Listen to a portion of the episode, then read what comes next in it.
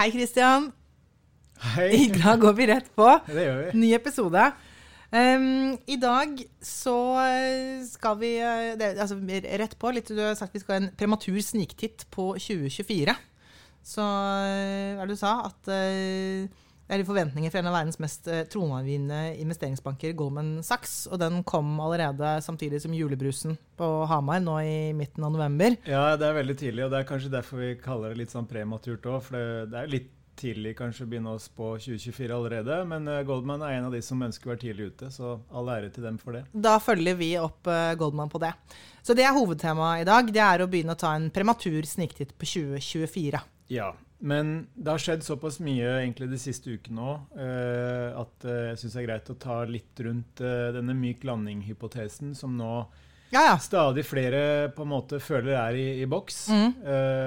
Kanskje Oh, ja. også den litt prematur, men Mm. det får vi komme tilbake til. Ja, så, så aller først så er det selvfølgelig, som, som alltid, eh, oppsummering av hva som har skjedd i finansmarkedene og verdensøkonomien siden sist. Ja. Og jeg syns egentlig det er greit å koble det også til markedsutviklingen, selvsagt. Da, fordi den har jo vært eh, veldig, veldig positiv. Um, og vi har hatt kraftig kursoppgang i egentlig hele finansmarkedssulamitten, hvis det går an å kalle det. Uh, og hvis vi da ser 30 dager tilbake, så begynte jo uh, håper å si slutten av oktober Den var jo ganske svak. Ja. Mens uh, hvis vi da ser et vendepunkt ved inngangen til november, så har ting egentlig gått veldig i riktig retning. Både for eh, aksjemarkedene generelt, eh, og ikke minst for rentemarkedene. Fordi det som har skjedd, det er jo egentlig at vi har fått eh, en ganske kraftig tilbakegang i disse markedsrentene som vi snakket om mye sist. Mm.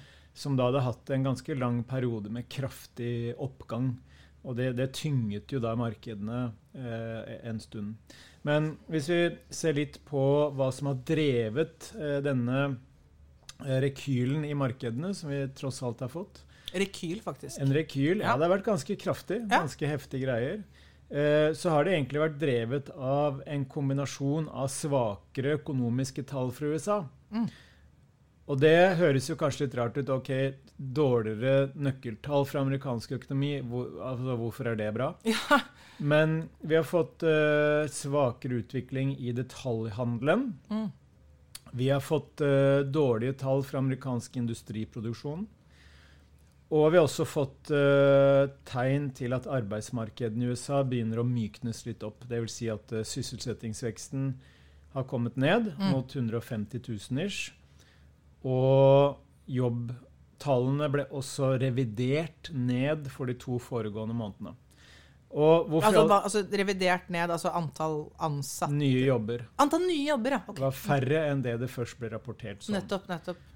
Og når man da legger til disse dårlige makrotallene på en inflasjonsrapport, også fra USA, som viste lavere inflasjon enn det markedene hadde trodd på forhånd, så er dette en perfekt kombo med tanke på denne myk landing-hypotesen som veldig mange nå tror på. Eh, Kan du bare fort si, altså Denne myk landing-hypotesen, det har vi snakket om, men hva er det det, hva er, det, det er? Jo, det, det er egentlig at eh, økonomien skal gå litt ned i gir, men ikke spesielt mye. Mm. Eh, at arbeidsmarkedene skal bli litt mindre stramme, slik at lønnsveksten kan komme ned. Og som i dag eh, kan drive inflasjonen ned mot sentralbankens mål. Fordi at hvis man får litt oppmykning i økonomien, inflasjonen kommer videre ned, så demper det sannsynligheten for at Fed skal stramme renten til enda mer. Og tvert imot så øker det muligheten for at vi kan få rentekutt Mm. om ikke lenge. Og er det én ting finansmarkedene digger, så er det rentekutt. Jeg digger også rentekutt. ja, det, Jeg vil veldig gjerne ha rentekutt. ja, vi som har gjeld, vi, vi digger rentekutt. Ja, om, om, det, om det er så nært forestående i Norge, det, det tror jeg kanskje ikke. Norsk økonomi er et litt annet dyr med den eh, svake krona vi har hatt. Men, men eh, relatert til det så har jo også krona faktisk styrket seg litt mot dollar og euro gjennom den uh, god, godværsperioden som vi har sett uh, nå. Da. Men, men, i hvert fall så eh, For å konkludere disse svake nøkkeltallene fra amerikansk økonomi, den hyggelige inflasjonsrapporten, det tyder på at liksom denne myk landing-hypotesen den har fått vann, enda mer vann på, på mølla. Uh, og det øker også sannsynligheten for rentekutt. Uh, og nå priser markedene inn at vi kan få rentekutt både i USA og i eurosonen kanskje allerede fra juni eh, neste år. Men her blir det senere, hvis det blir noe rentekutt? Ja, eh, fordi at vi vet at krona har vært så svak, og det bidrar til importert inflasjon inn til Norge. Og inflasjonen faktisk også i Norge er høyere enn det den er i USA og eurosonen i øyeblikket. Og vi vet at denne svake krona den virker inn på inflasjonen med en liten sånn tids, tidsforsinkelse så, så, er det vel ikke så mange som tror på rentekutt i Norge allerede fra våren eller forsommeren neste år. Ja. Men litt tilbake til dette med myk landing. For det, det, er jo det nå markedene priser inn og jubler over. ikke sant? Det er derfor kursene stiger så mye. Eh, men, men så, som jeg pleier å være, da, djevelens advokat eller fanden på veggen, eller hva jeg skal kalle meg Syvende far i huset. Syvende far i huset.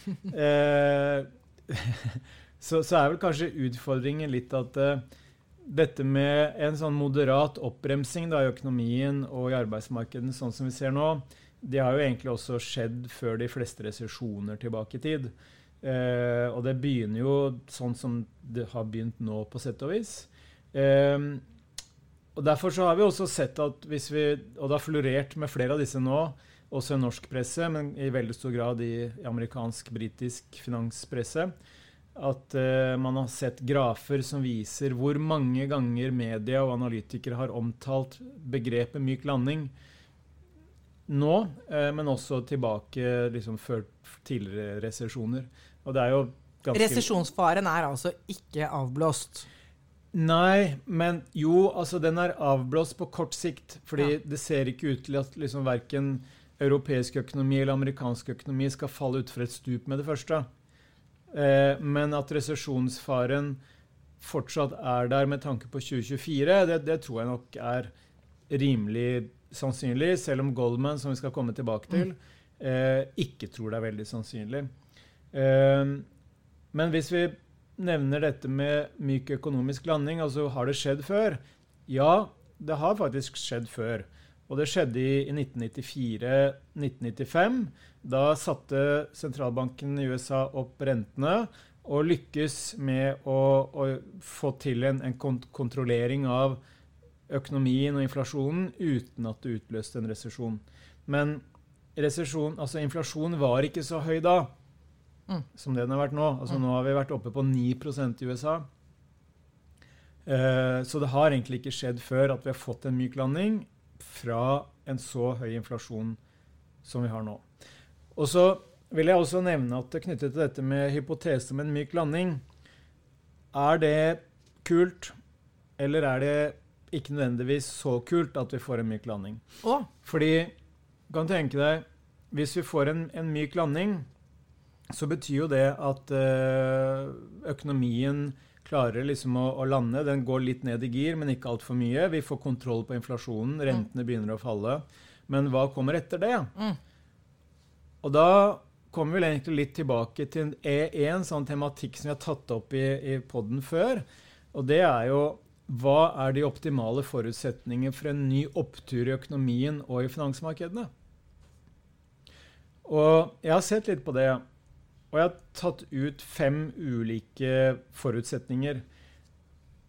Og det ene er jo at et kjennetegn før tidligere kraftige oppturer i økonomien og markedene, så har det vært mer kjennetegnet av svært høy arbeidsledighet, mens vi nå har svært lav arbeidsledighet. Men vi kommer jo ikke til Og så er det dette med altså Kan vi i det hele tatt få så høy arbeidsledighet igjen? Vi er jo, det har vi også snakket mye om eh, flere ganger før. Nei. Eh, knapphet på arbeidskraft tror jeg kommer til å bli noe vi må bare venne oss til. Mm. Men poenget er jo at eh, når du da har relativt lav arbeidsledighet, ikke relativt, men innmari lav arbeidsledighet, så betyr det at hvis vi nå skulle få en ny økonomisk opptur, så betyr det at eh, presset på arbeidskraft og presset på lønningene det vil komme tilbake som en rakett. Det er med inflasjon. Yes. Og da vil rentene stige igjen med en gang.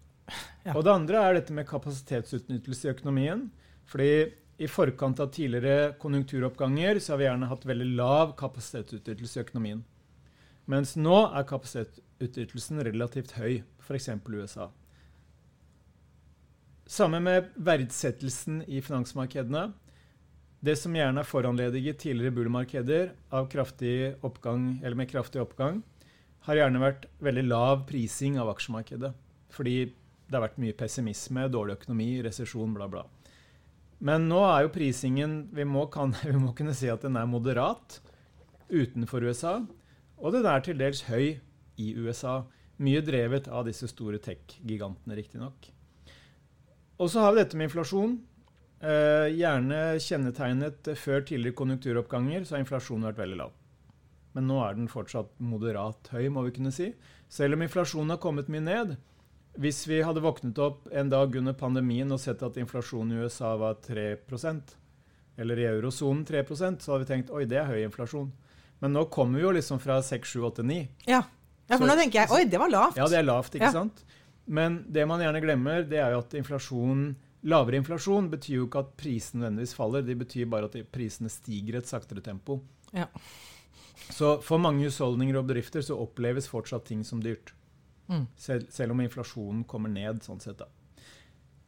Men hvis vi da skal hoppe over på dagens lille hovedtema, som jo er eh, hva Goldman Sachs tror om 2024 ja, fordi, for, for du, du, sa til meg så nå, den, liksom, den, oppsummeringen var først OK, det er ganske mye mer positivt nå enn det har vært en god stund.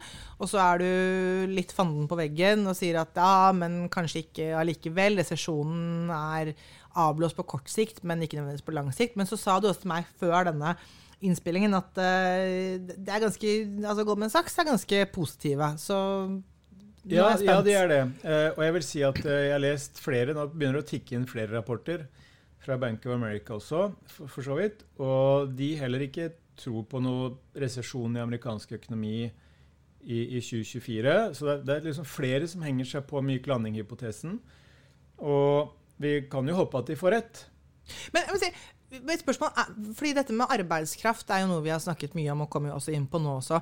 Er det litt sånn at det er såpass nytt at på en måte dere økonomer er ikke, er ikke vant til det ennå? Hvis det kanskje er sånn vedvarende nå, så er det jo ett et premiss som er endret kanskje for alltid da, i ja, og det, og det, er et kjempeviktig premiss. Mm. fordi Vi snakket jo litt om det når vi diskuterte dette med ny økonomisk mm. æra også. Disse seks mm. strukturelle drivkreftene som kan skape en litt et annet økonomisk bakteppe da, enn det mm. vi har vært vant til. Så, så, jeg tror du er inne på noe veldig essensielt, egentlig. fordi at uh, hvis det er sånn at bedriftene kvier seg med å si opp folk, mm. Eh, fordi de vet at hvis økonomien bedrer seg, så vil de rett og slett få problemer med å skaffe arbeidskraften tilbake. Så kan jo det ha betydning for, for et lønnspress som, som, blir litt annerledes. Og selv om vi da har liksom denne kraftige renteoppgangen som alt annet likt burde føre økonomien inn i en slags resesjon eller tilbakegang, så blir ikke tilbakegangen så ille fordi folk har jobb. Mm. Og når folk har jobb, så, og de har en inntekt som kanskje da stiger i takt med inflasjonen, eller kanskje bikker over inflasjonen, som vi ser nå i Europa og USA, så klart det, det styrker jo kjøpekraften og evnen til å bruke penger. Og så lenge husholdningene har evne til å bruke penger fordi de har jobb og lønns, lønnsvekst, så holder jo det økonomien i gang. Mm.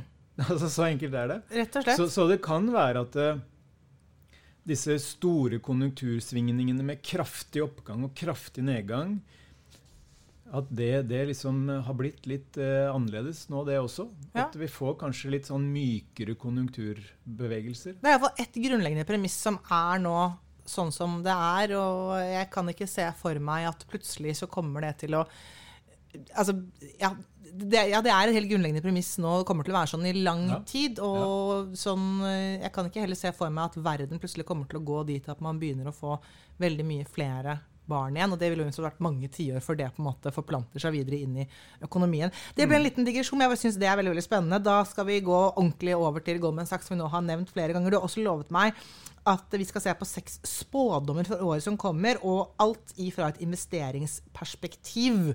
Så da gir jeg ordet tilbake til deg, Christian. Jo, takk. Eh, jo, altså den, den, eh, den det, det, det snevet Ikke snev, da, men den optimismen den kommer jo også frem i deres økonomiske utsikter for 2024. Eh, hvor tittelen rett og slett er 'The hard part is over'. Oi, ok. Og, og, med det så hentyder jo de på at uh, denne kraftige renteoppgangen, denne voldsomme inflasjonsbølgen som vi slet med i 2023, eller som vi sliter med i 2023, mm. uh, den vil ikke være like ille i 2024. Så de forventer 2,6 BNP-vekst i 2024. Okay. Det er noe høyere enn det som er analytikernes liksom, gjennomsnittlige forventning for 2023. Mm. Men de og flere andre peker også på at 2023 har jo tross alt gått mye bedre enn det man trodde ved inngangen til 2023. Både i finansmarkedene, men også i økonomien.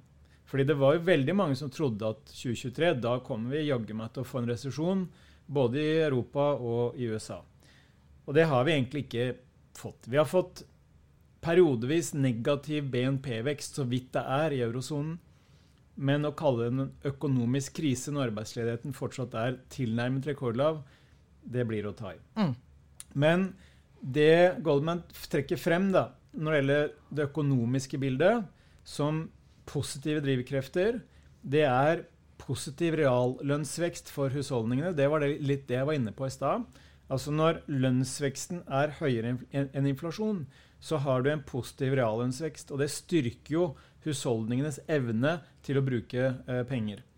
De peker også på at eh, de pengepolitiske innstrammingene, altså sentralbankenes rentehevinger, vil ha en mindre negativ effekt i 2024 enn det de hadde i, i 2023.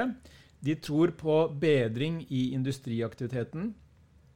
For den har vært eh, veldig nede i gir i både USA og Europa. Den er fortsatt veldig nede i gir i Europa spesielt. Og de har tro på sentralbanker som er mer villige til å kutte rentene dersom økonomien skulle vise en svekkelse. Så det er litt sånn Kall det oppsummeringen av makroforventningene til, til eh, Goldman Sachs. Men i denne optimismen så ligger det også en erkjennelse av at OK, de ser relativt optimistisk på 2024. Men det de sier, det er at uh, det har finansmarkedene på sett og vis allerede priset inn. Mm. At det skal bli bra. Mm. Så Derfor så er det ikke noe sånn der, hurra meg rundt-forventninger til aksjemarkedet fra Goldman sin side. Og de spår rundt 6% avkastning i det amerikanske aksjemarkedet gjennom 2024. Og Hvordan er det i forhold til da, hva som er altså, si, normalen? Er det um Normalt så pleier analytikerne og disse investeringsbankene å spå sånn 7-8 mm. Men, det, men det, det, som er så dumt med de spådommene, det er jo at avkastningen blir jo nesten aldri 7-8. Den blir enten liksom tosifret positiv eller tosifret negativ. Ja. Og ettersom aksjemarkedet normalt stiger i tre av fire kalenderår, så blir det som regel tosifret positiv i tre av fire, og så blir det tosifret negativ i ett av de fire. Mm. Sånn i snitt da over tid. Men hvis vi begynner med disse seks punktene, så går ganske kjapt igjennom. Dine seks spådommer for året som kommer. Ja, så er jo det bakgrunnen for denne myke landingen da, som Goldman Sachs tror på. De ser faktisk bare 15% sannsynlighet for resesjon i USA. Jeg skulle likt å se hvordan de regner ut den 15% sannsynlighet for resesjon. Det høres litt uh, vel tror, teoretisk jeg, jeg, jeg, tror jeg, tror ikke det er et regneark bak. Altså. Jeg tror det er litt sånn gut feeling. Men, ja. men det okay. ja. eh, Men de mener altså veldig høy sannsynlighet for en myk og økonomisk landing. Inflasjonen har falt kraftig, samtidig som amerikansk økonomi har vokst mer enn forventet og mer enn normalt, spesielt i tredje kvartal. Eh, og ledigheten er eh, lav. Eh, det de peker på, det er at ja, før eller siden så kommer det en resesjon. Altså det er en del av konjunkturutviklingen over tid. Men det er lite som tyder på at det er nært eh, forestående. Og de sier at eh, når markedsrentene har steget såpass mye, altså de lange markedsrentene som da sier noe om hva investorene tror rentenivået kommer til å være frem i tid, så er det også et signal om at mange investorer tror økonomiene, ikke bare amerikansk økonomi, men global økonomi, vil holde hodet over vannet. Mm. Fordi hvis det hadde vært en utpreget resesjonsfrykt frem i tid, så ville jo rentene, markedsrenten ha falt i påvente av at eh, sentralbanken da kommer til å, å, kutte renter. Og De peker også på at muligheten for at markedsrentene faktisk vil kunne falle noe fremover, har blitt større, og det vil kunne være veldig bra for oblasjonsplasseringer, hvor kursene da gjerne stiger når markedsrentene eh, faller. Så eh, Goldman anbefaler investorer om å ha en balansert portefølje med flere mange ulike byggeklosser i 2024. Anbefaler man ikke alltid Er ikke det litt sånn derre ja, Nei, jeg, jo, jeg vil si at uh, aktører sånn som det her, da, de har gjerne litt sånn, en sånn spiss okay. på, på, anbefalingene sine. F.eks. at nå bør du ha mer aksjer, eller nå bør du ha mer renter. Okay. Og, og, det som de peker på, det er at veldig mange investorer, spesielt ved inngangen til 2023, hadde mye større kontantbeholdninger enn vanlig. Eh, men det mener de nå ikke vil være så lønnsomt. Eh, øk heller investeringen i oblasjoner, bl.a. Fordi at hvis markedsrentene faller, så vil du kunne få kursgevinster mm. på oblasjonene. Så det var egentlig det første.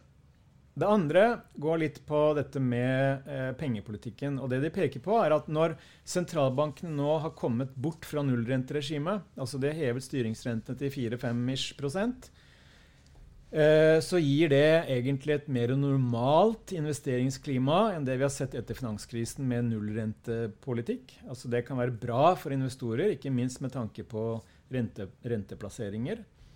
Men eh, det kan også være bra eh, med tanke på at eh, det kan gi mer disiplin blant investorer og næringsliv med tanke på hvordan de allokerer pengene sine, altså hvordan de bruker pengene. At det blir et regime med høyere renter som da innstiller mer fornuft rett og slett, i næringsliv og blant investorer. Så det, det er jo positivt, for så vidt. Men det, det, det tredje da, punktet det går også på dette med eh, rentenivå. fordi når sentralbanken har kommet seg bort fra dette nullrenteregimet, øh, og, og, de forventer kanskje at inflasjonen vil komme ned, ned mot målsetningen etter hvert, så åpner det døra for at sentralbankene generelt og den amerikanske spesielt kan bli mer villige til å senke rentene dersom de tror at økonomien er på vei ned i gir. Og Dermed så kan vi få ifølge Goldman, en bedre symmetri i hvordan sentralbankene signaliserer, og hvordan de faktisk agerer. Og For finansmarkedene så vil den symmetrien, altså like, minst like stor sannsynlighet for rentekutt som videre renteoppgang, det vil være et uh, kjærkomment skifte fra det vi har opplevd de siste to årene, hvor det har vært en asymmetri? Hvor, hvor sentralbankene bare har hevet og hevet og hevet.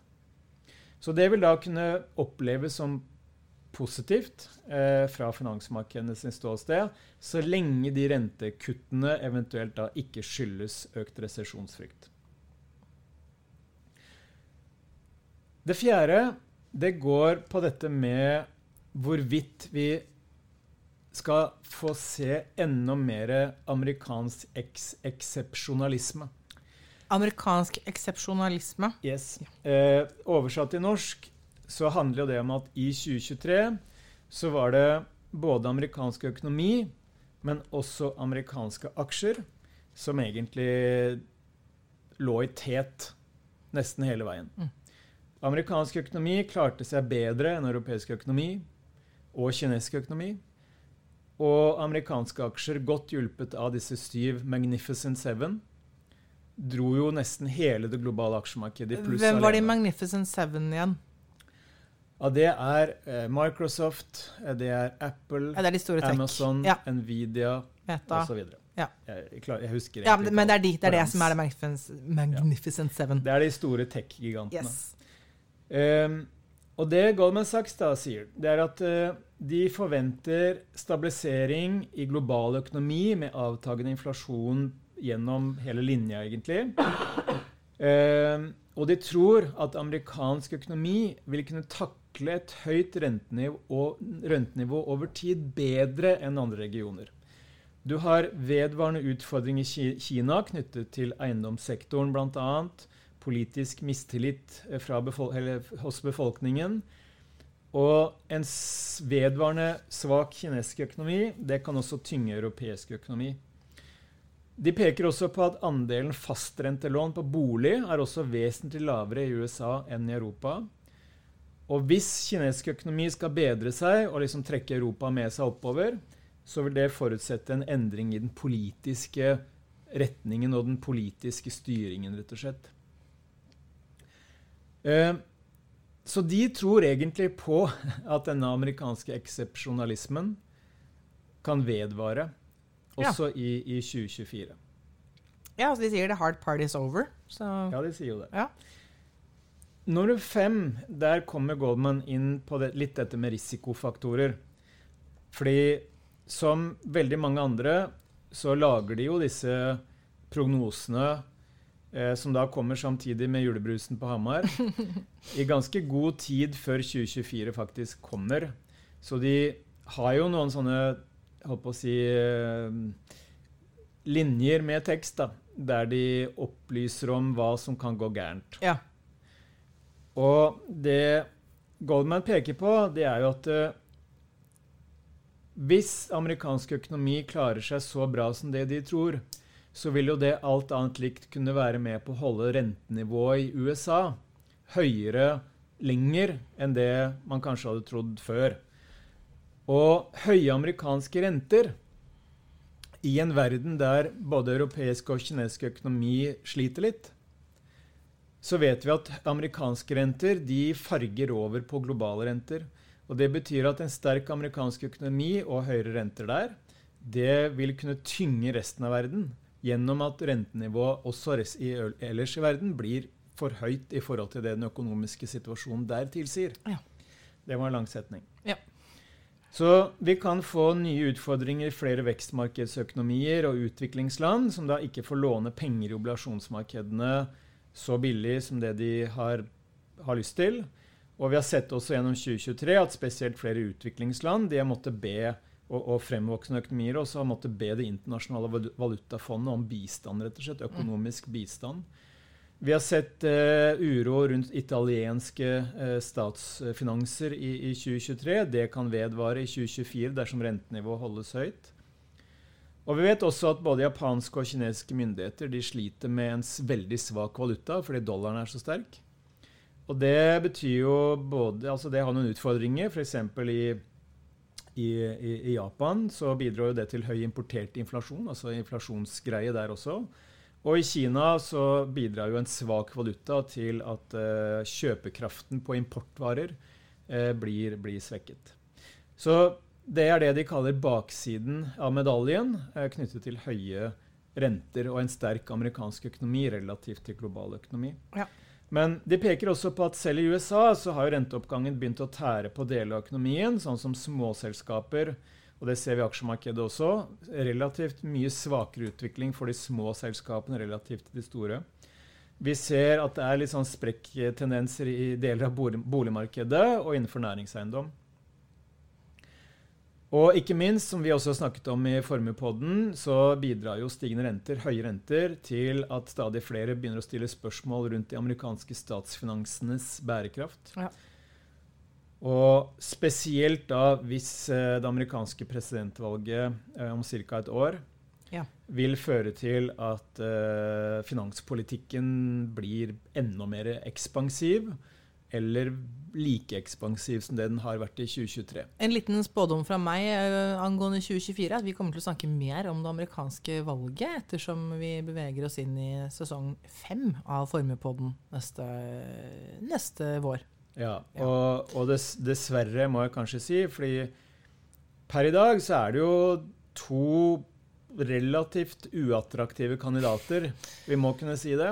Ja. Er det det beste verdens største økonomi og, og, leader of the free world klarer å frembringe av presidentkandidater, ja. så kan man begynne å lure. Eh, men jeg har jo vært gjennom eh, fire år med, med Trump eh, tidligere og fulgt valgkampen og hans tenure veldig tett. Ja. Så, så jeg håper for, for min hårfarge sin skyld at vi slipper nye fire år med Trump. Jeg må, jeg må ærlig innrømme det. det. Det blir galskap. Og hvis man leser om f.eks. det siste nummeret til The Economist, da, Ja. så har de viet eh, nesten eh, hele nummeret til eh, 2024 og hva som kan skje.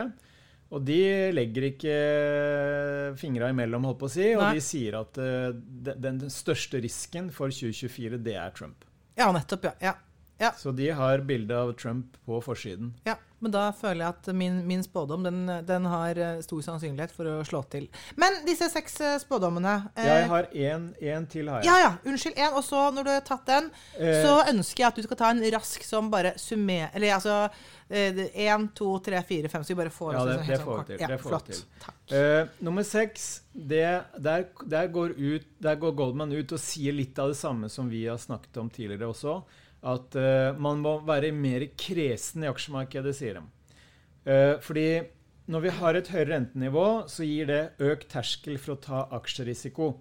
Hvis man kan få 4,5-5 nesten uten å ta risiko, så blir du nødt til å gjøre hjemmeleksa di kanskje i enda større grad hvis du skal ta aksjerisiko. Men det de sier, at sånn generelt for aksjemarkedet så vil avtagende inflasjon og renter som ikke stiger lenger, men kanskje til og med begynner å falle, det vil gi et bedre bakteppe for aksjer i 2024 enn 2023. Og hvis økonomien i USA spesielt da bedres, som, som de har tro på, så vil de såkalte sykliske selskapene, altså innenfor verdiorienterte sektorer, eh, kunne få medvind eh, kanskje i større grad enn en vekstselskapene, og spesielt de store, som allerede er, er relativt høyt prisa. Og de tror, litt, Dette er litt sånn bla-bla, syns jeg, som kommer fra mange av disse investeringsbankene. At de tror fortsatt i et markedsklima med høye renter at det vil være selskaper med solide balanser med en viss størrelse som vil ha en fordel. Mm. Og dette med Ja, det er litt bla, bla. ja, fordi med unntak av i de periodene hvor økonomien går fra innmari dårlig til litt mindre dårlig, altså det vil si at den bedres, eh, andrederiverte går i riktig retning, Yes. så er det ofte de små selskapene med dårlige balanser som går bra. Ja. Men bortsett fra det så har det ofte vært de store Ja. med solide balanser da, som går bra. Eh, og de peker da, og dette var på det tidspunktet hvor julebrusen kom, eh, det vil si noen, et par uker siden, at på det tidspunktet så var det bare amerikanske aksjer som gitt bedre avkastning enn kontanter eller korte renteplasseringer målt i dollar. Og det har jo forandret seg nå, bare på de siste ukene, med relativt kraftig oppgang. Så ja. Jeg tror egentlig det var, var en, en grei oppsummering. Eh, hvis vi da skal bare oppsummere igjen oppsummeringen. Jeg vil gjerne ha liksom bare seks punkter. Ja. sånn. Nummer er- én ja. høy sannsynlighet for myk økonomisk landing if- ifølge Goldman. Eh, arbeidsledigheten er lav, inflasjonen har falt, og sentralbankene begynner å snakke om at rentetoppen kanskje er, er nådd. Eh, nummer to mer eh, fleksibel eh, pengepolitikk. Eh, og Det betyr at sentralbankene i utgangspunktet har gode muligheter til å senke rentene fremfor bare å heve. Det vil kunne være veldig positivt for finansmarkedene. Eh, og nummer tre går egentlig på at når vi har et høyere rentenivå, høyere realrenter, så innstiller det en del disiplin med tanke på kapitalallokering hos næringsliv og investorer. Vi kan få et mer sånn normalt eh, klima, hvor penger ikke lenger er gratis. Og det vil kunne være bra, sier Goldman. Nummer fire det er eh, dette med amerikansk eksepsjonalisme, hvor Goldman egentlig tror at dette kommer til å vedvare. Både i økonomisk forstand, men også potensielt i, i finansmarkedene. Og nummer fem, der peker de på noen risikofaktorer, altså baksiden av medaljen. Og det kan være fremvoksende økonomier, utviklingsland som ikke tåler et høyt rentenivå. Men det kan også knyttes til at enkelte deler av amerikansk økonomi også, sånn som småselskaper, boligmarkedet, næringseiendom, har slått litt sprekker pga. dette rentenivået. Og nummer seks det var da at hvis man skal investere i aksjemarkedet, som det har et litt hyggeligere bakteppe pga. avtagende inflasjon, kanskje til og med avtagende renter, eh, så bør man fortsatt være kresen og, og selektiv, fordi at eh, re- re- renteplasseringer med lav risiko fortsatt er en såpass sterk konkurrent. Nettopp.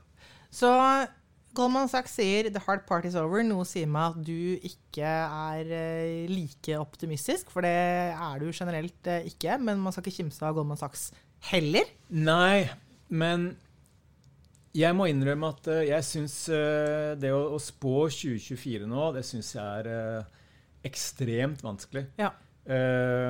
Og, og, grunnen til det, det er jo at jeg, jeg, tenker jo at en myk landing det er jo bedre enn en resesjon, på, på, sett og vis. fordi det gjør jo at man unngår en økonomisk krise med stigende ledighet.